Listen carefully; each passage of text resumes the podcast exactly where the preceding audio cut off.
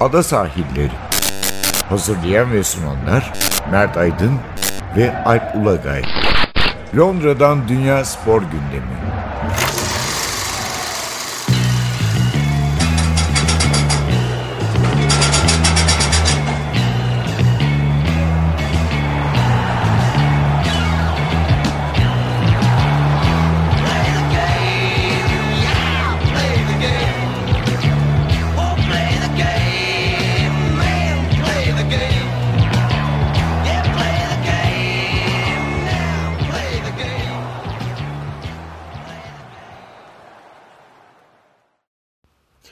Londra'dan merhabalar. Ben Alp Ulagay. Ben Mert Aydın. Bir kez daha ada sahillerinde beraberiz. Bugün gündemimizde neler var? Ee, malum Premier Lig'de diğer tüm Avrupa ligleri gibi tatildeydi. Çünkü UEFA e, Uluslar Ligi maçları yani milli takım haftası devam ediyor. E, bunun e, yanı sıra yani biraz Uluslar Ligi'nden bahsedeceğiz. E, İngiltere'ye yönelik konular olarak da her hafta konuşuyorduk ilk kovalan antrenör kim olur diye biraz tahminlere uygun şekilde Doğru. Fulham'ın antrenörü Jokanovic görevinden alındı. Eski dost yani. Hani mesela eski dost Ranieri. Kurt, Kurt Hoca Ranieri tekrar İngiltere'de. Zaten buralarda dolaşıyordu. Şey drink water, ara transferde drink water alacaktır. Bunun yanı sıra yani yine her hafta değiniyoruz. Futbol X'e şöyle kısaca bir uğrayacağız. Her ülkede yine ayrı konular, mevzular var buna. E bir soruşturma da açılmış bu arada. Yani ama bu soruşturma tabii e, UEFA ile ilgili olmayan kısımları için muhtemelen açılmıştır. Yani UEFA yöneticilerini suçlamayan kısımları için e, belirli bir soruşturma açıldığı kesin. Evet yani Fransa'da, İngiltere'de, Belçika'da farklı konular var. Onlara bir değineceğiz. Daha sonra bir e, ATP Finals yapacağız. Teniste erkekler yılın son turnuvasında Londra'da kapıştılar. Ben bir hafta boyunca Auto Arena'da izledim maçları. Oraya bir değineceğiz. Değil mi? Herhalde konularımız bunlar bugün. Doğru. Evet. İlk önce istersen bir Uluslar Ligi'yle girelim. Evet. Şimdi e, espriyle gireyim. Eğer şimdi biz İsveç'e yenildik küme düştük. Eğer İsveç'e yenilmeseydik de küme düşecektik. Çünkü Almanya küme düştü. Almanya küme düştüğü için biz de küme düşmüş sayıldık gibi. E, standardın altındaki bu esprimizi de yaptıktan sonra. Tabii burada Türkiye'nin küme düşmesi büyük bir sürpriz olmadı. Ama Almanya'nınki değil mi? E, tabii yani e, Almanya'nın evet grup tabii ki çok güçlü. Hollanda ve Fransa var. Yani sonuçta bu bir e, büyük bir şampiyonaya gitme turnuvası değil. Ve zaten A grubunda hiçbir grup çok basit takımlardan oluşmuyor. Diğer taraftan Dünya Kupası finalisti Hırvatistan da küme düştü mesela. E, aynı şekilde evet. Yani tabii bu, bu birinci grup biraz fazla hani tarihsel olarak çok Evet. bir grup oldu. Burada- Hollanda iyi olmadığı için biraz Evet. küçümsendi sanki. Küçümsendi ama e, Hollanda e, acayip yani Fransa maçının ben bir kısmını izledim. Hollanda Fransa maçının hı hı, e, Cuma günü oynanan hakikaten Kuma'nın e, ciddi anlamda bir hava getirdiği kesin. Yani taraftara da getirmiş, seyirciye de getirmiş. Yeniden ya biz Hollanda'yız kardeşim. Hani hala dünyanın en iyi altyapılarından biri bizde. Hala bizim çok yetenekli oyuncularımız var. Bu, bundan bir sıyrılmamız lazımı. Bence Kuman iyi yapmış. Çünkü ya hani Koman hem Fenerbahçe'yi hem Hollanda'yı mı çalıştırıyor? kardeşi bu. Biliyorsun öyle o da yanlış anlaşıldı. Aslında Ronald Koeman küçük Aha, olan. aha, evet. Yani şu anda Hollanda'yı çalışan. Yani daha ünlü olan Koeman, küçük olan Koeman. Irving Fenerbahçe'nin başındaki büyük olan Koeman.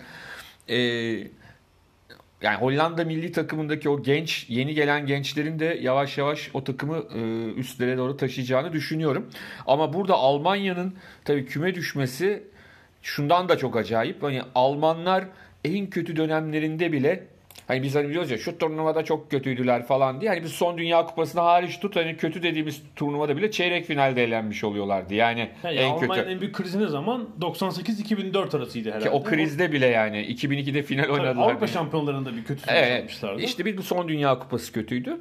Ee, ve de üstüne hani tamam elenmiş olarak ve küme düşmüş olarak çıktıkları son e, Hollanda maçında daha iyi oynadılar.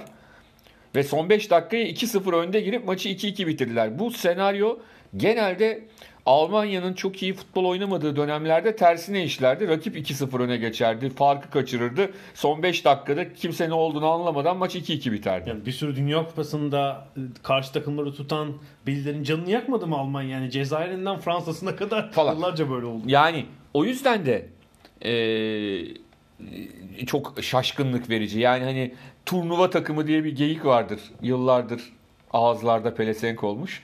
Turnuva takımı olmaktan mı çıkıyor Almanya diye bir e, soru işareti. Yani dünya şampiyonluğu e, zirvede artık tamamen zirvede Alman futbolu ve burada hep kalacak değil. Hani bir yol tutturmuşlardı, zirveye çıktılar. Şimdi serbest düşüşe başladılar gibi bir durum oldu. Burada bence şunu da unutmamak gerekiyor. Bu başarılı olan üst üste çok başarılı turnuvalar geçiren çünkü Almanya Dünya Kupası'nı kazanmadan önceki 3-4 turnuvada da performans olarak kötü değildi. Çok iyi. Yok, final, çok yarı final. yani çok özel bir İspanya'nın falan olması onları biraz e, sıkıntıya sokmuştu. kez İspanya'ya elendiler Tabii. zaten. O yüzden e, sanki klasik çok başarılı milli takımlarda yaşanan bir şey vardır. Teknik direktörler ki burada da hep Löw var. Yani 2006'da şey görünüyor ama e, Klinsmann görünüyor ama düşünsen 2004'ten beri bu takımın aslında patronu en- en azından bir dönem 2 yıl kadarında ikinci patronu geri kalan 12 yıldır da patronu yani 14 yıldır bu takımı oluşturan adam Löw. Yani 3 Dünya Kupası, 3 Avrupa Şampiyonası. Şimdi var, evet. Dünya Kupası olan oyun kazanan oyunculara karşı da bir e, açıkçası hani kıyamıyor galiba bazı konularda da. Yani onlarla çok e, o kuşak değişimi çok kolay bir iş değildir. Hepimiz Evet, çok iyi biliriz. Onu yapmakta zorlanıyor. Halbuki Almanya'da alttan gelen o kadar acayip iyi oyuncu var ki çünkü hani Alman liginde Alman liginde çok Üretim iyi bir sıkıntısı yok yani, yok. değil mi? Hem oyuncu üretimi yok hem teknik direktör üretimi konusunda bir sıkıntı yok. Evet. Ee, Yani şeyde de çünkü Almanya e, 20 yıl öncekinden farklı yani göçmen çocuklarını da sisteme dahil ettiler. Doğru. Böyle bir sıkıntı da yok. Yani Afrikalı ya da Türk olsun göçmen çocukları da Evet. Alman bir takımda oynuyorlar. Evet, ilginç ama yani bunu söylemek lazım. Ee, buradan Fatih Demireli'ye gönderelim. Hani o anlatsın artık bundan sonrasını bize. Yani ama aslında Dünya Kupası'ndan sonra şimdi Hollanda karşısına çıkan kadroya bakıyorum. Epey de değişmiş bir kadro var. Yani Neuer, Hummels ve Kroos dışında değil mi? Ee, genelde farklı oyuncular yani. Dört işte Werner de vardı Dünya Kupası. Yani Werner'den de bir türlü şey yapamadılar. O bence Werner'in Almanya'nın 9 numara problemi var. Bir o ayrı. Evet. Yani Orta o, sahada bolluk var. Or, orada sıkıntı var. Sıkıntı var. var. Tabii diğer taraftan da e, biz tabii burada olduğumuz için İngiltere'de olduğumuz için İngilizlerin başarısı. Yani İspanya ve Hırvatistanlı bir grubu birinci bitirmek. Yani o grupta ikinci olsaydı İngiltere kimsenin yine morali bozulmazdı burada. Üçüncü de olsa normal diyeceklerdi bence. Çünkü İspanya diyeceklerdi. Dünya Ama yani Hırvatistan. hem İspanya'yı hem Hırvatistan'ı e, geride bırakmak aslında e, ki artık yavaş yavaş Sancho'nun da takıma girişiyle birlikte o hani altyapı milli takımlarındaki başarılı olan oyuncular da hafiften hafiften bu kadronun içine Ya dahil olmaya şey- başlıyorlar. Şeyi düşünelim. Eylül ayında oynanan ilk iki maçı İspanya İngiltere'yi yendi. Evet. E, Wembley'de 2-1. Sonra Hırvatlara 6 attı ve grup belli gibiydi yani. Doğru. Hırvatistan herhalde 4'te 4 yapıp işi bitirecek Doğru gibi. doğru ama İngilizler Birden o İspanya maçı inanılmaz. İşi tabii. değiştirdi tamamen. Oradaki İspanya maçı. deplasmanı e, o galibiyet ama sonuçta İngiltere doğru yolda ilerliyor. E, giderdi gidemezdi birinci olurdu olamazdı ayrı mesele. Futbol her zaman en iyi oynadığında sonuç aldığın bir spor değil. E, ama şu anda İngilizler çok mutlu. Gidişattan dolayı da bu sefer ilk kez gerçekten umutlular. Çünkü geçmişte hani İngiltere'de böyle bir insanların şeyi var. Hani Türkiye'ye çok yabancı bir duygu bu. Hani bizde her şey iyiyken bile bir o kötümser bir Acaba şey ne olacak? falan diye düşünürüz ya. Geçmiş tecrübeden kaynaklanan bir şey bu yani e, onu söyleyelim. Burada da hakikaten böyle hiçbir şey yokken bile küçücük bir kıvılcım bile sanki e, ateş bu ateşi bulmuşlar havasında e, lanse Coming ediliyordu. home yine. Aynen öyle. E, bu sefer ama galiba sonuçlarla da gerçekten yani yaşananlarla ve sonuçlarla örtüşen bir iyimserlik içindeler. Onu e, söylemek gerekiyor herhalde. Ve İngiltere için dediğim gibi e, hani şu anda atanıyla tutanıyla orta sahasıyla kanatlarıyla giderek daha iyi olan bir takım var. Yani o orta sahayı biraz daha kuvvetlendirebildikleri andan itibaren o zaman şu anda değil ama o zamandan itibaren belki işte kupa kazanabilir, işte şunu yapabilir, bunu yapabilir. Daha rahatlık bir şekilde söyleyebileceğiz Şöyle İspanya'nın vatandaş yapabilecekleri falan bir orta. Silva mesela falan. Yıllardır İngiltere'de oynuyor. Vatandaş yapalım. Oynasın böyle bir şey olabilir. Bir de çıktıkları grup da bence şimdi mesela İzlandalı gruptan çıksan yine sevinirsin ama Abi orada da o, o da efsane. Yani 2-0'dan 5 bir de iki fark yapması lazımdı. Yani hani yenmesi 2-0'dan 3-2 yapması bile bir işe yaramıyordu İsviçre'nin. Ve karşısında hani anlı şanlı Belçika, vardı. Belçika vardı. Duman oldu Belçika. Yani e, maçı izlemedim ama muhtemelen Belçika herhalde 2-0'dan sonra fişi çekti. Yani tamam İsviçre'nin çok iyi oynadığına eminim de 2-0'dan 5-2 aslında şöyle bir şey var. 4-2 yani 3-2 olduktan sonra artık hani bir yerden sonra dönemezsin ya. Aha, o gevşeklik bir anda ne yaparsan yap rakip almış başına gitmiştir. İsviçre e, önemli bir e, iş yapmış oldu. Ben İzlanda'nın hani sıfır olmasa bile bu grupta son sırayı alacağını düşünüyordum. Çünkü yani e, yapabilecekleri sınırlı bir takım. Şu ana kadar yaptıklarıyla zaten hakikaten sınırlarını zorlamışlardı yani aşmışlardı. Hani bunun çok uzun yıllar devam etmesi, bu şekilde devam etmesi pek mümkün değildi. Ee, yani A liginde olması en garip takım İzlanda. Ee, Yani hak, et, hak ederek geldi ama kapasitesi ve futbolcu kalitesi Evet, yani no- normal normal yani bir onları daha göremeyebilirdi. Burada belki e, hani İsviçre ve Belçika yaptıkları en azından iç saha maçlarında puan alabilselerdi e, onlar adına daha sevimli bir görüntü. Ee, Averaj da 1.13 evet İzlanda'nın pek şey olmadı ama herhalde bu Avrupa Ligi Uluslar Kupası maçı başlamadan önce düşünsek ne yapardık biz? Fransa'da Almanya'dan biri birinci. İspanya mesela. Belçika değil mi? Birinci olarak bunları söyleyebilirdik. İtalya'da olabilirdi. Bayağı hani beklentinin dışında bir e, Ki Portekiz git, Portekiz'de de şeyler yok. Ronaldo oynamıyor. Ronaldo oynamıyorken bunu yaptılar yani. Evet. Şimdi Hollanda, Portekiz, İsviçre ve İngiltere var. Evet. sürpriz bir Final Four dörtlüsü var ve dörtlü final maçları Haziran ayında Portekiz'de oynanacak ee, A Ligi için. Gimaraş'ta herhalde yarı finaller ve Porto'da final maçı oynanacak ya da yarı finalleri bölerler belki iki şehre yakın iki şehre. Böyle sürpriz bir şey ve işte İsviçre'nin tarihinde herhangi bir kıtasal şampiyonluk yok. Evet, öbür- yakın dönemde var. Hollanda'nın Eski de olsa kaldı. var. İngiltere'nin de 66'da 66'da kaldı. Ama tabii hani bu kupayı kazanmak tek başına hani oh işte bu kupamız var yerine bence sanki hani İngilizler mesela kazanırlarsa e, bir yere doğru gidebiliyoruzun sevinci yaşanacak. Yoksa bu kupa tamam çok önemli bir kupa. iyi takımları eleyerek yani Dünya Kupası'ndan daha sert takımları eleyerek İngiltere son dörde kaldı Evet, burada. evet, evet, Öyle tabii, düşünürsek. Ama e, ben hani bu kupa bir daha yapılır mı? iki kere daha yapılır mı? Üç kere daha yapılır mı? Hala kafamda soru işaretleri var. Onu da e, söyleyeyim. Şeyi mesela tabii bilmiyoruz yani televizyonda ve stat'taki izlenirlik oranı seyirci ortalaması nedir? Benim bir fikrim yok açıkçası buna kadar. Yani başarılı olduğumu biraz da tabii onun ölçmesi lazım UEFA'nın herhalde. Ya burada tabii şöyle bir şey var. Şimdi Almanlar mesela bir de o durum var. Hani bu kupanın kupayı kazanmak dışında önemi neydi? İşte e, doğrudan Avrupa Şampiyonası'na Hı. gitme. Yani elemelerde hangi sonucu alırsanız alın. Hı hı. E şimdi e, hani şimdi küme düştü dediğimiz, elendi dediğimiz takımlara bakıyorsun. Bunların birçoğu bir şekilde yine o gruplarından oraya gidecekler. Biraz daha burada deneme yanılmalar yapmak e, yapmış olabilirler diye düşünüyorum.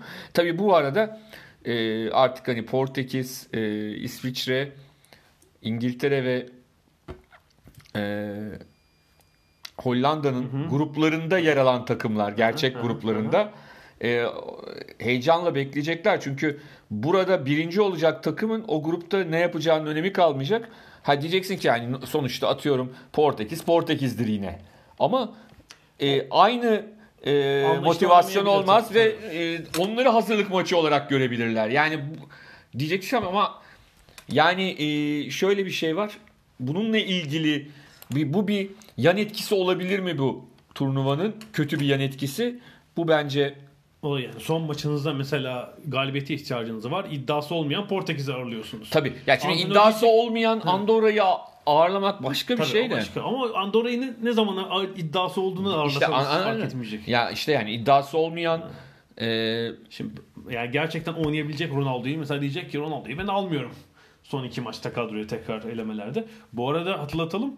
Sadece A Ligi'nde değil. Diğer 3 kategorideki Final Four'larda şampiyon olan takım da Evet. Avrupa zaten esas e, kıyameti koparacak olan o olacak birazcık. Yani D liginin Final Four'unu oynayacak 4 takımdan e, biri de doğrudan Avrupa Şampiyonası'na Doğru. katılacak ki işte orada mesela kim var şu anda birinci Gürcistan mesela bir grup birincisi. Ee, öbür grup birincisine bakıyorum. Kim var? Belarus bir tanesi. Onlar Final Four oynayacaklar ve biri aralarından bir tanesi doğrudan gidecek. Bir 2020 Avrupa Şampiyonası'ndaki 24 e, yerden birini kapmış olacak. E, Kosova, Azerbaycan son yer için karşılaşıyorlar D ligindeki.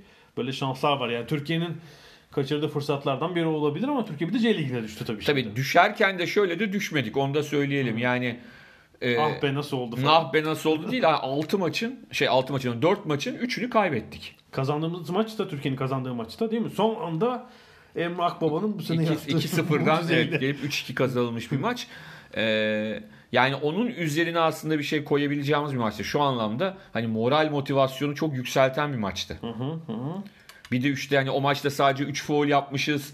e, oyun oynamaya çalışmışız çok ciddi şekilde. İşte Hakan Baltan'ın olmayışının çok büyük sıkıntısını yaşadık diye düşünüyorum ben. Doğru mu değil mi? Orada da bir tercüme konusunda galiba bir Abi Hakan Baltan'ın neyin tercümesi olacak bilemedim ki yani. başka bir Hakan söylenmiş. Or- Hakan Şükür denmiş. Falan. Ee, yani şey ilginç tabii. 2008 Avrupa Şampiyonası'nda e, çeyrek final oynayan kadronun ilk 11'i geçen gün böyle Twitter'da gözümün önüne geldi. Aslında o günden bu yana kadro kalitesi de çok gerilemiş. Yani bugünkü milli takımdan herhalde 2008'e bir iki kişi belki koyarsın. Şimdi şöyle bir şey var. Şöyle bir sıkıntımız var bizim. Bu yaklaşık olarak ne zamandan beri ben sana söyleyeyim. Yaklaşık 15 yıldır bu sıkıntıyı yaşıyoruz. Çünkü 2002'ye gelene kadar Aha. e, Türkiye şansına ya da bir şekilde bir planın doğrultusunda geldi. Yani o oyuncuların çoğu birlikte oynaya oynaya. Yani 2002 Dünya Kupası'nda en genç oyuncumuz Emre Belözoğlu'ydu. Emre Belözoğlu'nun yüzden fazla uluslararası maçı vardı. Hem genç milli takım seviyesinde hem Galatasaray hem Inter formasıyla. Yani şimdi bu bu o yapı doğru bir yapıydı işte rahmetli Gündüz Tekin Onay'ın falan da içinde bulunduğu bir e, altyapı e, grubu vardı. Birçok takım altyapısına gerçekten gerçekten önem veriyordu. Yalandan. Erzi'nin federasyon başkanı olarak arkasında durması o projenin. falan. değil mi? Evet. Şimdi ondan sonraki dönemde yani oyuncular artık yaşlanmaya başladıktan sonra artık yavaş yavaş ondan sonra biz şeye taktık kafa. Yani bir kere o plan tamamen kalktı ortadan. Plansız tamamen tesadüflere dayalı işler yürümeye başladı ve bu sırada da biz şeye taktık. Her şeyi biz sadece milli takım teknik direktörüyle halledebileceğimizi düşündük. Son 16 yıldır bizim gidebildiğimiz iki turnuva var. 2008, 2016. Öyle değil mi? 2016'da da takım sayısı 24'e çıkmasa gidemeyecekti Türkiye. Düşün. Yani işte onun bile sonundan işte 90. dakikada o oldu bu oldu karikatürdeki gibi bin bir tane şey yaşandıktan sonra Gauss metoduyla falan bir şeyler puanlamalar falan bir şeyler bulduk işte. Fibonacci dizisi falan oldu. Neyse. Ee, onun ardından yani bu, bu dönemde 2008 ve 2016'daki iki tane hadi bunları şoklama diyelim. Hoca şoklamasıyla. Yani oraya bir hoca getirdin. O toparladı bir şey yaptı. İşte 2008 biraz daha iyiydi. Çünkü 2008 takımında o sırada Avrupa'da çok popüler olan e, oynayan Nihat Kahveci vardı. İşte Tuncay Şanlı vardı. Avrupa liglerinde oynadı. Fenerbahçe o yıl Şampiyonlar Ligi çeyrek finali oynamıştı. Galatasaray lig şampiyonu olmuştu. Beşiktaş'ta çok kaliteli oyuncular. Diğer Anadolu kulüpleri falan şey vardı. Ee, Malzeme hala fena Malzeme değil. hala fena değildi. Şimdi daha sonraki yıllarda şöyle bir şey oldu. Türkiye Futbol Federasyonu ve bizim kulüplerimiz birkaç tane istisna var. Eyvallah ama şimdi bu da hani o beni onu söyledi onu söyledi söylemiyorum ama birkaç istisnayı hariç tutarsak. Federasyon ve kulüplerimiz mi daha çok çalıştı Türkiye'ye oyuncu yetiştirmek için? Almanya Futbol Federasyonu, Fransa, Belçika, Hollanda federasyonları ve kulüpleri mi Leverkusen, çalıştı? Schalke falan. oldu. Tamam onlar daha çok çalışıyor. Bizim öyle bir gayretimiz yok. Öyle olunca artık teknik direktörün kim olduğunun da önemi kalmadı. Yani bu Fatih Terim olunca da biz fıslamaya başladık. Lucescu'yla da fıslıyoruz. Başkalarıyla da fıslayacağız muhtemelen. Çünkü milli takım dediğiniz düzenek, milli takım son nokta. Hani oradan son şeyler çıkıyor. Şimdi daha baştan itibaren bu tıkandığı için milli takımın başında baya hani Hogwarts'tan mezun büyücü bulman lazım yani. Harry Potter'ın okulundan her, mezun. her önemli maçta bir büyük bir şey yapacak. Bir sihir yapıp Tabii, tabii. maçı kurtaracak. Şimdi öyle bir şey yok. O artık futbol öyle bir oyun değil. Anlatabildim mi? Arada olur. Olur ama her zaman yapamazsın. Yani baştan bütün sistemi doğru hale getirmen lazım. O doğru hale getirmediğin andan itibaren artık sihirli dediğin adamları getirdiğinde de bir şey olamaz hale geliyor. Bir sıkıntı yaşıyorsun. Bizim problemimiz orada. Hala şimdi işte Lucescu gitsin gitsin bence de ben kalmasından yana değilim. Ama artık yerine kimin geleceğinin de bence önemi yok. Biz eğer diğer işi yapma sadece altyapıyı kastetmiyorum. Milli takım organizasyonu diyelim. Bu scouting'i, milli oyuncuları seçimine kadar bu bin bir tane bunun şeyi var. Yan şey. Şimdi o organizasyonu sağlamadığın an itibaren ee, sen her maçta sihir beklemeye başlayacaksın. Her maç emlak baba çıksın kurtarsın. Hoca bir tane bir şey. Yok öyle bir şey olmuyor işte. Bunu bir kere bir şekilde anlamamız gerekiyor. İngilizler teşhisi koydular. Tedaviyi yapıyorlar. Şimdi teşhis ve tedavi her zaman yani teşhis iyi olduğunda tedavi her zaman iyi olacak diye bir kural yok. Ama teşhisi koyamazsan tedavinin iyi olma ihtimali hiç yok. Yani çünkü birinci şey teşhisi koyacaksın. Bize teşhis falan konulmadı ki. Teşhis yok ki. Teşhis Lucescu gitsin o gelsin. O gitsin bu gelsin. Lucescu da öyle geldi zaten. O gitsin bu gelsin. O gitsin bu gelsin. Ben mesela hala şeyi bekliyorum. Hı hı. Aradan kaç yıl geçti? İşte sevgili kulaklığı çınlasın. Türker Tozar aradı bir gün federasyondan. Ya Mert abi dedi e, Fatih Hoca'nın dedi basın toplantısı olacak. Hani dedi geçen yıl yaptığı manifesto açıklamıştı. Bununla ilgili dedi federasyonda dedi işte Riva'da büyük bir basın toplantısı yapacak. Dedim hay hay tabii ki geliriz. Yani e, çünkü hocanın açıkladığı ilk şeyler çok önemliydi. Şunlar şunlar yapılacak. Yani teşhis konulmuştu orada. Dedi Tedavi eder bir şey oldu mu aradan geçen sürede? Ee, hayır o toplantı iptal edildi. Toplantı yapılamadı ki.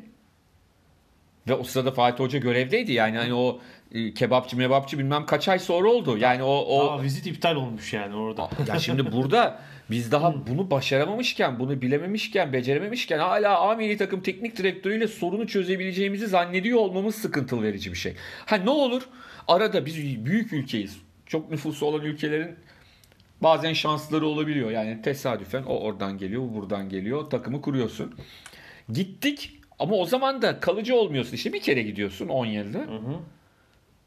Bizim klasik hani fantezimiz var ya her turnuvaya gitmeli. Ya ben çocuktan beri bu var ya bu Türkiye her tur e, turnuvaya gitmeli de bu hani şey gibi altyapıya önem vermeli gibi bir şey ya hani demekle yapmıyorsun yani. Ya Her, Öyle her turnuvaya gidebilenler zaten işte büyükler Almanya ki işte arada onlar da kazaya uğruyor. Bak, Almanya değil. şöyle bir şey var. İtalya falan. 80 milyon 75-80 milyonluk bir ülkenin diyeceksin ki nüfusla ilgisi yok bence var. Şöyle var. E, Bunu iyi kullanan ülkeler için var. Havuzu büyütüyorsun. Gen- genç nüfusu kaynağı, çok. Ha, Potansiyel insan kaynağı fazla. doğru. tabii. O tek başına tabii ki yeterli değil. Bunun örneğiyiz zaten. Yani- tek başına yeterli olmadığını. Türkiye'deki nüfusa göre her yaş grubunda Ve de genç nüfus yüksek. tabii 600 bin erkek var. Yani 17 yaşında 18 yaşında 600 bin erkek. Hayatımda en dehşete düştüğüm 16, anlardan 19, birini söyleyeyim ben sana. 1999'da İstanbul'da Avrupa Yüzme Şampiyonası vardı. Evet. Bir Hollandalı meslektaşımızla mu- muhabbet ediyorduk. Van den Hogenband'ın coştuğu Evet. şampiyon 6 altın. Ho- Hollanda'nın nüfusu bizim kaçta kaçımız? 6'da birimiz falan herhalde. 16 milyon galiba. 5-6'da bir Evet. yani bizim nüfus Evet. belli olmadığı Evet. için. Ondan sonra e, lisanslı sporcu sayılarını söylemişti Aha. bana ülkedeki. Aha. Hani hem spor dallarında Aha, hem aha. toplamda. Bir kere bu dehşet verici bir şey. Ülkenin yarısı lisanslı Şimdi sporcu. lisanslı sporcu şu demek değil. Bizim çocuğumuzun okulda oynayan oyun, çocuk da lisanslı sporcudur. Organize spor yapan kişiden bahsediyoruz. Evet işte yani. o da olsun. Kayıt yani, altında Evet. organize, evet. Şimdi bu şu demek. Bu onların hepsi gidecek dünya çapında sporcu olacak anlamına gelmiyor. Ne işe yarar bu? Çocuğunun okulda spor yapıyor olması lisanslı olarak. Bir, o çocuğun bir havuzu büyütüyorsun. Mümkün olduğu kadar adam şeye çıkıyor. Çocuk arasından sen en yeteneklerini bulmaya çalışıyorsun. Çünkü en yetenekler arasında da disipline uymayan, işte e, hayat disiplini farklı olan, ille de okuyacağım, başka iş yapacağım, bununla uğraşmayacağım diyen de bir sürü insan çıkacak. İkincisi sporcu olmasa bile spor kültürü olan bir insan yetiştirmiş oluyorsun.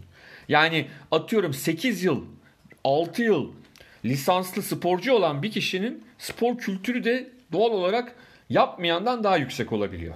Türkiye'de ama bu havuz sadece futbol için değil. Değil Yani tabii. bütün- Ben, genel söylüyorum bütün zaten. sporları düşünüyoruz. Tabii ben- Bir türlü büyütülemeyen şey zaten bu havuz yani. Şu an herhalde federasyon federasyonlar bir takım lisanslar veriyorlar ama herhalde 1,5 milyon bile değildir Türkiye'deki lisans Tabii, tabii. sayısı ki içinde onun 500 bini futbolcu galiba 400-500 bini. Olabilir, olabilir. Yani sonuçta iş buraya kadar gidiyor. Plan program hazırlamazsan anlık, günlük, saniyelik, saliselik başarılarla gidiyorsun. Bir de üstüne şu var. Eskiden bizim çocukluğumuzda milli takım 6'şar 8'er gol yerken Türkiye'de bir milli takım taraftarlığı vardı. Bak o rezalete rağmen üst üste 0 puanlar, 1 puanlara rağmen herkes maça giderdi. Herkes birlikte üzülür, birlikte sevinirdi. Şimdi bir de o da yok. Şimdi bir de o da yok. O da olmadığı için iyice iş e, acayip bir noktaya doğru gidiyor. Tabii İstanbul'da maç oynayamıyor milli takım. Değil mi? Hep Konya'da oynuyor maçlarını. işte. Abi herkes herkesin şöyle bir şeyi var. Hocayı sevmiyorum ben tutmayacağım. Federasyon başka. Abi şöyle bir şey var. Tutma tabii ki yani kimse tut demiyor da. Abi tamam da sen yani tutmuyorsun da aslında nüfus kağıdı bağlamında, pasaport bağlamında eee, şeysin yani bağlısın. Yapacak Ama bir şey yok. yani şunu da söylemek lazım. Türk milli takımını son 10-15 yılda temsil eden bütün e, önemli kişilerin antipatik olması da çok bence bunda büyük rol oynadı yani. Oynadı da Evet. affedersin de ben de şöyle söyleyeceğim. O antipatik insanları pohpohlayan kendi kulübünde onlar da o bunlar çok antipatik diyenler. Kendi takımında olunca gayet iyi oluyorlar onlar biliyorsun. Başka takımda olunca olmuyorlar. Yani orada da bir ikiyüzlülük var. Onu da, onu da ben ilave edeyim. Evet tabii tabii evet. Onu da edeyim. Ama milli Bu- takımda da devam ediyorlar o rollerini onu demek Tabii, tabii. ben. Burada bırakalım Evet, istersen. bir- bir ara- Tenise geçeceğiz Bir ara çünkü. verelim. E, tenise devam edeceğiz.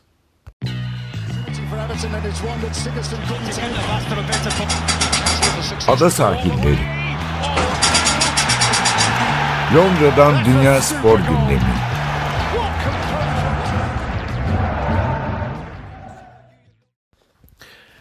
Ada sahillerinden tekrar merhaba. E, İkinci bölümde biraz tenis konuşalım. E, Londra'da 10. yıl üst üste düzenlenen ATP Finals vardı. Yani Erkekler Profesyonel Tenisçiler Birliği'nin yıl sonu turnuvası. E, Dünya sıralamasında en iyi 8 ismi e, bir araya getiren turnuva. Ben de bir hafta boyunca turnuvayı e, Evet, muhteşem- Geçen programda biraz zaten girişini yapmıştık. Evet, O2 Arena'da izledim. Ee, yılın en iyi 8 tenisçisi diyoruz ama mesela Rafael Nadal sakatlığı sebebiyle burada yoktu. Katılamadı. Ee, buna karşılık dünya bir numarası ve 2018'i bir numarada kapatan Novak Djokovic buradaydı. Roger Federer tabi buradaydı ve genç kuşağın yükselen yıldızları Sasha Zverev, e, Alman Zverev, e, Avusturyalı team burada olan isimlerdi. Şimdi turnuvada bir hafta boyunca şunu bir kez daha fark ediyorum. Yani Federer kazanamadı turnuvayı. Grup maçında hatta Nishikori'ye yenildi. Sonra toparladı, grubu birinci bitirdi. Ama yarı finalde Zverev'e yenildi. İlginç bir maç sonu oldu gerçekten. Federer'in gerçekten bütün uluslararası bir etkisi ve hayran kitlesi Gerçek var. İsviçreli. Hayır, İsviçre'nin öyle bir şeyi vardı. Aynen. Yani müthiş bir etkisi var. Yani onun e, Otorana'daki turnuvada bir öğleden sonra seansı vardı. Yani 12'de 2'de önce çiftler sonra tekler maçı. Bir de akşam seansı 6 ve 8. Aslında bunlara ayrı bile satılıyor. Yani 2'deki maç tekler maçı bitince salon boşaltılıyor. 17 bin kişi çıkıyor. Anons ediliyor. Büfeler kapanıyor. İşte 6'ya doğru tekrar açılıyor 5.30'da. İki seansa kombine bilet almanız da mümkün. Yani aynı gün ikisini de alabilirsiniz ama Onda bile çıkıyorsun giriyor. Evet yani Federer'in olduğu seanslarda akşam ya da öğleden sonra olsun tamamen doluydu neredeyse. Yani bir gün sold out oldu. İşte öbür gün 17.600 değil de 17.542 kişi var mesela. Zaten görüyorsunuz yani bir tek e, birinci katta bir baseline'ın arkasında medya ayrılmış koltuklar var.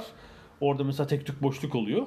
Onun dışında tamamen dolu Federer'in olduğu seanslarda ve asıl önemlisi Federer oynarken seyircinin tepkisi. Ya onun kazandığı puanlardan sonra böyle bir uğultu yükseliyor, alkışlar. İşte devamlı arada servis arasında şey atılıyor. Go Roger diye laf atanlar çok oluyor. Şeyden mi acaba ben espri limon sıkayım? Andy Murray'e biliyorsun şey iddia etmiş. Arkadaşı Andy Murray'nin bilerek kaybetti şey şampiyon olsun diye falan. diye. Ya ancak herhalde Şaka yapıyorum tabii. Andy Murray yani bir Britanyalı tenisçi burada olsa belki biraz durum farklı olur. Ama yine de sonuçta yine o zaman Andy Murray'e daha büyük destek verseler bile yine de e, Federer olan desteklerin azalacağını düşünmüyorum. E, bir de mesela bu turnuvada çok yani Fransızca çok duyduğum bir dil mesela belli ki İsviçreliler, Fransızlar izlemeye gelmişler. Hani Sırp seyirci vardı.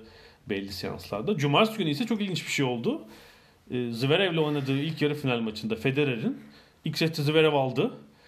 E, ikinci setin tiebreak oyununda galiba puanlar 3-3'tü e, yanılmıyorsam. E, Zverev servis kullandı. Top bir kere gitti geldi. Zverev elini kaldırıp oyunu durdurdu. O an anlamadık tabii. Meğerse Federer'in sol arkasındaki bol boy elindeki topu düşürmüş. Tenis topunu tuttu. Bir de birkaç adım peşinden koşuyor düşen topu almak için. Ee, herkes şaşırdı. Hakem bol boya sordu. Federer de sordu. Bu aslında hakem e, kulesinin orada olan bol boy ama Evet. top arkaya gittiği için arkada durmuş bir Evet. anlık. Sordular evet çocuk düşürdüm dedi. Sayı tekrar oynandı. Bunda ve ace attı üzerine Zverev. Ace atıp öne geçti. Oradan tiebreak'i de alıp e, maçı 2-0 kazandı. Maç biter bitmez hemen sağ içi röportajlar yapıyor Annabel Croft. Bir yuvalandı Zverev. İnanılmaz bir şey. Seyirci nasıl ıslıklıyor? ben şaşırdım. Çocuk da şaşırdı. Zaten 21 yaşında yani çok iyi bir oyuncu ama Annabel Croft seyirciyi biraz daha saygılı olmaya davet etti falan. Biraz olay yatıştı ama ya çocuk buruldu orada yani. Maçı kazanmış, Federer'i yenmiş. Kariyerinin en özel günlerinden biri. Ee, tabii anladık ki o şey Zverev'e duyulan antipatiden değil, Federer'e duyulan Evet. sempatiden. Yani o seti bir, bir set daha izleyelim. Tabii evet yani Federer yenildi diye bütün olay oluyor. Ee, sonra e, ATP'deki ya basın merkezi, medya merkezine gelen bir idareci kural kitabından gösterdi. Hakikaten böyle bir hakkı var oyuncuların. Ee, yani Yani kendisi Konsantrasyonu doğal olarak Tabii, evet. yani Federer de yapabilirdi onu. Tabii tabii Federer tabii arkasında olduğu için görmedi ama tam çocuğun e, sağına göz nasıl diyeyim görüş açısında çocuk topu düşürmüş E, ve e, oyunun durmasını sayının durmasını beklemeden yapması lazım. Yoksa yani oyun devam tabii. hakkını kaybetmiş oluyor. Hmm, Zverev sonra finalde Djokovic'i de yendi müthiş bir Evet, oyunla. evet. Grupta yenildiği Djokovic'i ve turnuvanın şampiyonu oldu. Kariyerinin en önemli başarısı denebilir. E, Çünkü son 15 yıldır biz 3 çok önemli tenisçi izliyoruz. Yani Evet. Federer, sonra Nadal, sonra Djokovic. Çok ilginçtir. 2004 yılının başından beri 15 sezon yani. 60 Grand Slam turnuvası yapan yapıldı. 50'sini 3'ü kazandı. Evet. 60'ta 50 ve tenis gibi belki önceki kuşaklarda e, hani yaş ort yani kariyer ortalamasının daha az olduğu bir durumda bunun 10 yıl 15 yıl hakimiyetlerini sürdürmeyi başardı bu isimler. Tabii tabii. Yani işte bakıyorsun Borg çok genç bırakıyor. McEnroe 30 küsüre kadar var ama e, son Grand Slam şampiyonu 27-28 yaşında oluyor. Yok 25 galiba. 25 mi? öyle Yani, yani hani oluyor onu bir daha da Grand Slam kazanamıyor gibi öyle çok şeyleri var. Ve şeyi Neler? uzattılar. Federer 37. e, Nadal 32. e, Djokovic 31. Burada olmayan sakat rakiplerinden işte Wawrinka 32, e, Murray 31 onlar da 30'larında. Yani burada Çiliç vardı mesela. İlk defa oynayan işte Anderson falan 32 31 yaşındalar. Onlar da hani şey şeyi çok iyi hatırlarsın. Altyapı yetişti. Ee, 80'lerde 80 ile 90 arasında e, ergen yaşta Grand Slam kazanan oyuncuları ben bir hatırlıyorum. Wilander, evet. e, Becker, Becker. Wimbledon'ı kazandı 17 yaşında. Chang, Sampras, e, Edberg. Yani bu 5 oyuncu e, 20 yaşına varmadan Grand Slam kazanmışlardı. Kadınlarda daha da çok. Kadınları saymıyorum bile. İşte düşün Tabii yani. 15'te 16'da kazanıyorlardı. Tabii, tabii. Seles. Selesler, Sanchez'ler falan. Şimdi yani şöyle 17 18 yaşındaki bir çocuğa şey denir yani. Al emziği. Sen biraz büyü de gel falan. O yüzden yani 25'e şey deniyor genç işte. Zverev e, şöyle yani bu turnuvada izleyince bir kez daha gördüm. Müthiş bir fizik var. 1.98. E, inanılmaz servis atıyor. Mesela final maçında ortalama servis hızı 218 kilometreydi ortalama. Yani 225'ler 226'lar oldu. Yani mil olarak yazıyor az ara hesaplıyorum. Ee, yani mesela şeyin ortalama servis hızı 100 185'ti ancak Djokovic'in. Fizik olarak her şeyi var. Karizma var, sempatik. Kupa töreninde çok esprili bir konuşma yaptı. Herkesi güldürdü yani o buzları eritti. Almanlık, Rusluk her şey var. Ee, evet, e, ailesi Alman. Yani anladığım kadarıyla mesela annesi babası Almanca konuşuyorlar, İngilizce konuşmuyorlar. Çünkü şey dedi kupa töreninde. Yani babam söylediklerimi anlamıyor şu anda dedim. Önemli değil dedi. Zaten Almanca, İngilizce, Rusça biliyor. Monaco'da yaşıyor. Klasik. ya şampiyon olmak için, geleceğin şampiyon olmak için aslında bütün malzeme var. Abileri izin verirse Zverev'de. Evet, yani şimdi burada önemli iki şey var. Bir, tenis sezonu hep eleştirilen şey şu çok uzun. evet. 46 hafta. Yani başka herhalde hiçbir spor dalında yoktur. Ee, ocağın ilk haftası başlıyorlar. Bitirdik Kasım'ın 3. haftası. Yani 6 hafta bir boşluk var. 6 hafta dinleneceksiniz. Yeni sezon için yükleme yapacaksınız. Ve hazır olacaksınız. İşte 1 Oca 2 Ocağı, 3 Ocağı. İşte ocağın sonunda da zaten şey var.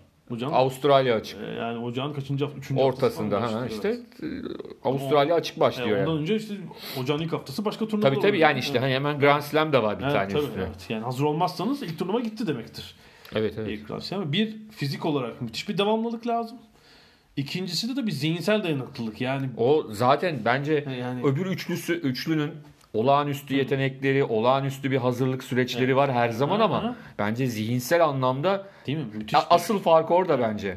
Yani tekrar söylüyorum yetenek farkları tabii ki çok önemli aha. ama yeterli değil. Sadece o, o yetenek farkıyla o farkı e, bunca yıl bu devamlılığı sağlayamazsın. Mümkün değil. Yani her sezonu aynı şekilde konsantre olmak, sezon içindeki inişler çıkışlar ve hatırlayalım zaman zaman işte Federer 2008'de mononükleoza yakalandı. Evet. İşte Nadal'ın sakatlıkları, Djokovic'in daha bir sene önce işte bir sene değil yani. Dirsek ameliyatı oldu. Tekrar gelip 22'den bir numaraya çıktı. Gerçekten e, bireysel bir sporda çok kolay elde edilebilecek noktalar değil. 2019 bir geçiş yılı olur mu? Ben biraz medya merkezinde gazetecilerle de konuştum. Tabii finalden önce konuştum. Yani genel eğilim şuydu. Yani Djokovic böyle oynarsa e, 2019 sonunda da bir numara olur. Pek. Yani Evet. O bir numarayı ondan almak mümkün olmaz. Ama işte soru işaretleri var yani. Nadal nasıl O daha genç zaten. Evet Nadal nasıl geri dönecek? Ya Federer için şu tabii o turnuva seçecek Federer. Nadal da seçiyor artık ya. Nadal da yani E şöyle yapıyor işte. Federer kadar olmasa da Ha, e şöyle diyor Amerika açıktan sonra bir sakatlandım falan deyip son iki ayı oynamıyor mesela. Çok fiziksel bir oyun. Ee, yani Zverev yeni kuşaktan en önemli hani o aradan sıyrılabilir mi? Hani bir tane mesela bu sene bir tane kazanabilse onlar yavaş yavaş bıraktıkça o sayı, şeyi de e, sağlayabilir. Teknik olarak bir nokta. Zverev Grand Slam'lerde en iyi çeyrek final oynadı şu ana Evet. kadar. Ve savunacağı çok az Grand Slam puanı var 2019'da. Yani 8000 puanın 450'si. Evet. Yani bir final bile birden onu, yukarı uçurabilir. sıçratacak. Evet evet evet uçurabilir. Yani güzel bir şey bir turnuva oldu. Ben de orada, Evet. orada olmaktan memnunum. Bülent Gürkan'a da tenis dünyasından selam yollayalım. Ben onlara bir hafta boyunca yazdım. Aralık sayısına da bir genel değerlendirme yazısı yazdım. Teşekkür ediyorum buradan ona da. Selam yollayalım. Futbola dönelim. Futbol Leagues. Evet. Devam etti. Futbol Leagues'te sızıntılar devam ediyor. Sızıntılar hatta tartışmalar da var. Almanya'da Der Spiegel, Fransa'da Mediapart yayınlıyor bir bağımsız haber web sitesi.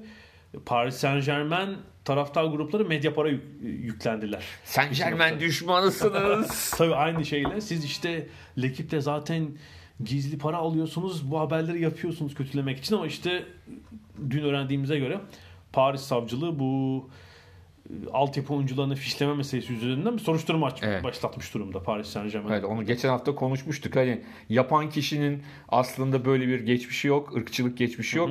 Belki kendine kolaylık olsun diye yaptığı bir şey ama resmi şeylerin üzerinde bunları gördüğün andan E, şey itibaren çıktı maalesef tabii, yani. e, ilk iddia şuydu. Paris bölgesi dışındaki oyuncu taramalarında yapıyorlar. Ortaya çıktı ki Paris'te de yapmışlar. Ya şeyi. muhtemelen kendince, kendine kolaylık sağlamak için bazı şeyleri ayırt edebilme adına yapılmış bir şey ama bunu da şunun için söylüyorum. Ben adamı tanımıyorum ama hani çevresinden anlatılan hiç de böyle e, ırkçı bir insan olmadığı, e, şey olmadı ama işte daha hassas olmaları gerekiyor galiba.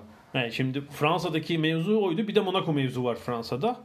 Ee, Monaco'nun sahibi Dimitri, Rus iş adamı Dimitri Ribolev'in e, Monaco'da yarattığı işte etki alanı üzerine bir takım haberler çıktı ve kulübün asıl ilginç şu kulübün ikinci başkanı işleri yürüten Vasilyev e, Rus as, başkanı takımı bütün transfer gelirlerinden %10 komisyon oluyormuş. Çok ilginç ve Monaco son Yönetici mi olsak Monaco'ya? ee, yani son 5 yılda 410 milyon euro transfer geliri elde etmiş. 441 milyon euro demek bu. Ee, ve şu tartışma var. Kulübün as başkanı FIFA kurallarına aykırı olarak bir üçüncü taraf mıdır transferlerde yoksa kulübün parçası gibi mi görmek lazım? Yani zaten kulübün as başkanı niye şey alır %10 Tabii, alır tabii. ki? Hani kulübün e, transfer işlerini yürüten bir profesyonel olsa belki böyle bir prim koyarsan ki Ha. %10'da prim olmaz yani de hani %2 3 falan hani, İyi çalıştın. hani bir prim Ha. olabilir. Aha.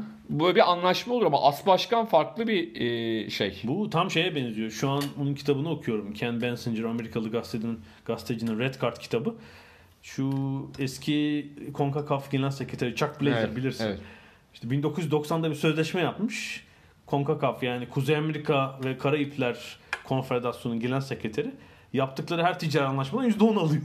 Onun gibi bir şey yani %10. Gerçekten %10 yani. %2-3 olsa belki şey yapacaksın. Göz ardı edeceksin ama %10 ne ya? Hayır, paralar da yüksek. 400 Tabii, tabii. eurodan bahsediyoruz. Ee, Belçika'da konuşulan mevzu küçük yaştaki futbolcuların e, büyük takımlara pazarlanması Avrupa'nın. bence zaten Belçika için neden bugüne kadar konuşulmadı onu çözemedim. Yani özellikle Afrikalı oyuncularında. Yani çünkü onların Afrika'da ciddi feeder club dediğimiz aha, kulüpleri aha. var. Belçikalıların e, çok ciddi e, Çok iyi bir geçiş noktası çünkü Belçika. Tabii. Evet. Ya ve de Afrika'da işte Gana gibi ülkelerde mesela çok ciddi kulüplerle şey halindeler. Temas halindeler. O yüzden de hep böyle Afrikalı oyuncuların birçoğu ilk olarak Avrupa'daki ilk görünüşlerini diyeyim Belçika'da yapıyorlar. Yani kendini gösterebilecekleri bir lig. Pazarlama için de bir vitrin orası. İngiltere de bunun üzerinden bulaştı bu arada. Özellikle yine Manchester City var için içinde ama Chelsea var. Ee, şu an Lyon'da, Lyon'da oynayan Bertrand Traore transferinde Chelsea işte demiş ki biz 18 yaşında transfer ettik. Halbuki 18 olmadan bir yıl önce kulüp Afrika'da kulüp başkanı olan annesi üzerinden pazarlığı yapıp parayı ödemişler. Ee, mesele FIFA'ya şikayet edilmiş ve Chelsea istenen ceza 4 transfer dönemi e, mahkumiyet. Ama bir türlü bu şey uygulanmıyor. Yani ceza da verilmiyor. İş böyle sürüncemede bırakılmış anladığım kadarıyla. City için de aynı şey söz konusu. Yani e, geçen iki haftada konuştuğumuz mevzu neydi? İşte bir takım e, mali dolaplar yapıp Evet. e, işte ödemeleri e, bir takım kısa yollarla yapmak, hani dolan başlı yollarla yapmak meselesiydi. Şimdi bir de şey var işin içinde. FIFA kurallarına aykırı olarak işte çocuk yaştaki futbolcuları transfer meselesi. İşte o zaman da işte burada kimin ortaya çıkması lazım? Mesela Real Madrid, Barcelona bunlar ceza yediler bunlar yüzünden. Ha, Atletico Madrid'i. Evet yani on- biz yedik bunlar niye yemiyor diye. Çünkü bu sadece işte e, taraftarların ya da medyanın yazmasıyla ya da sadece UEFA değil oradan ciddi destek alması gereken bir şey bu. Yani çünkü eğer onlar işin içine girerse o muhalefeti onlar koyarlarsa o zaman Herhalde ama onlar bir yandan devam ediyorlar. Atletico Madrid ceza yemesine rağmen. İşte 71 e, yani şeyin 5 sezonda 71 oyuncu galiba Atletico Madrid transfer etmiş. Yani bir izinli işte kurallara uygun demişler ama 18'in Evet. altında oyuncu transferi yapmaya devam ediyorlar. Bir de Monaco örneğinde de var. Monaco ve Manchester United en son bu işe başvurmuşlar. İşte e, UEFA Fair Play kriterlerindeki bütçe kısıtlamalarına katılmamak için işte ödemeleri dolan başlı yoldan yapma meselesi. Monaco Falcao kiralamasında e, Manchester United daha doğrusu Monaco ödemenin bir kısmını şey yapmıştı. Potansiyel bir maç yapacağız biz 2015'te. Bu maçın ödemesi olarak 4 milyon euro pazarlığı yapılmış ama o maç hiçbir zaman işte oynanmıyor. Mancini'nin maaşı falan meseleleri var ya. Ha evet işte. evet. Nasıl verildiği. o- o Bir ilginç örnek var. E Kante'nin Ha Kante. Şimdi futbolculuğu ve tutumuyla da örnek bir isim. Engolo Kante.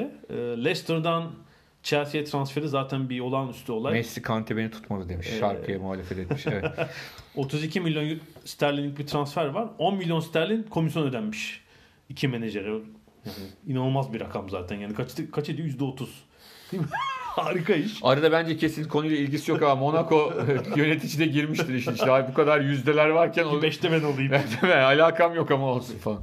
Sonra e, İngiltere'de birçok futbolcu ve kulüp ilişkisinde yapıldığı gibi Kante burada bir şirket kuruyor ve maaşının bir kısmını imaj hakkı olarak almak için O da mı Ankara Anlaşması'yla gelmiş? uzatmayacaklar yoksa. Ee, ama Chelsea demiş ki işte sen şirketi Jersey'de kur, vergi cenneti. Orada ödeyelim biz, vergiden kurtaralım.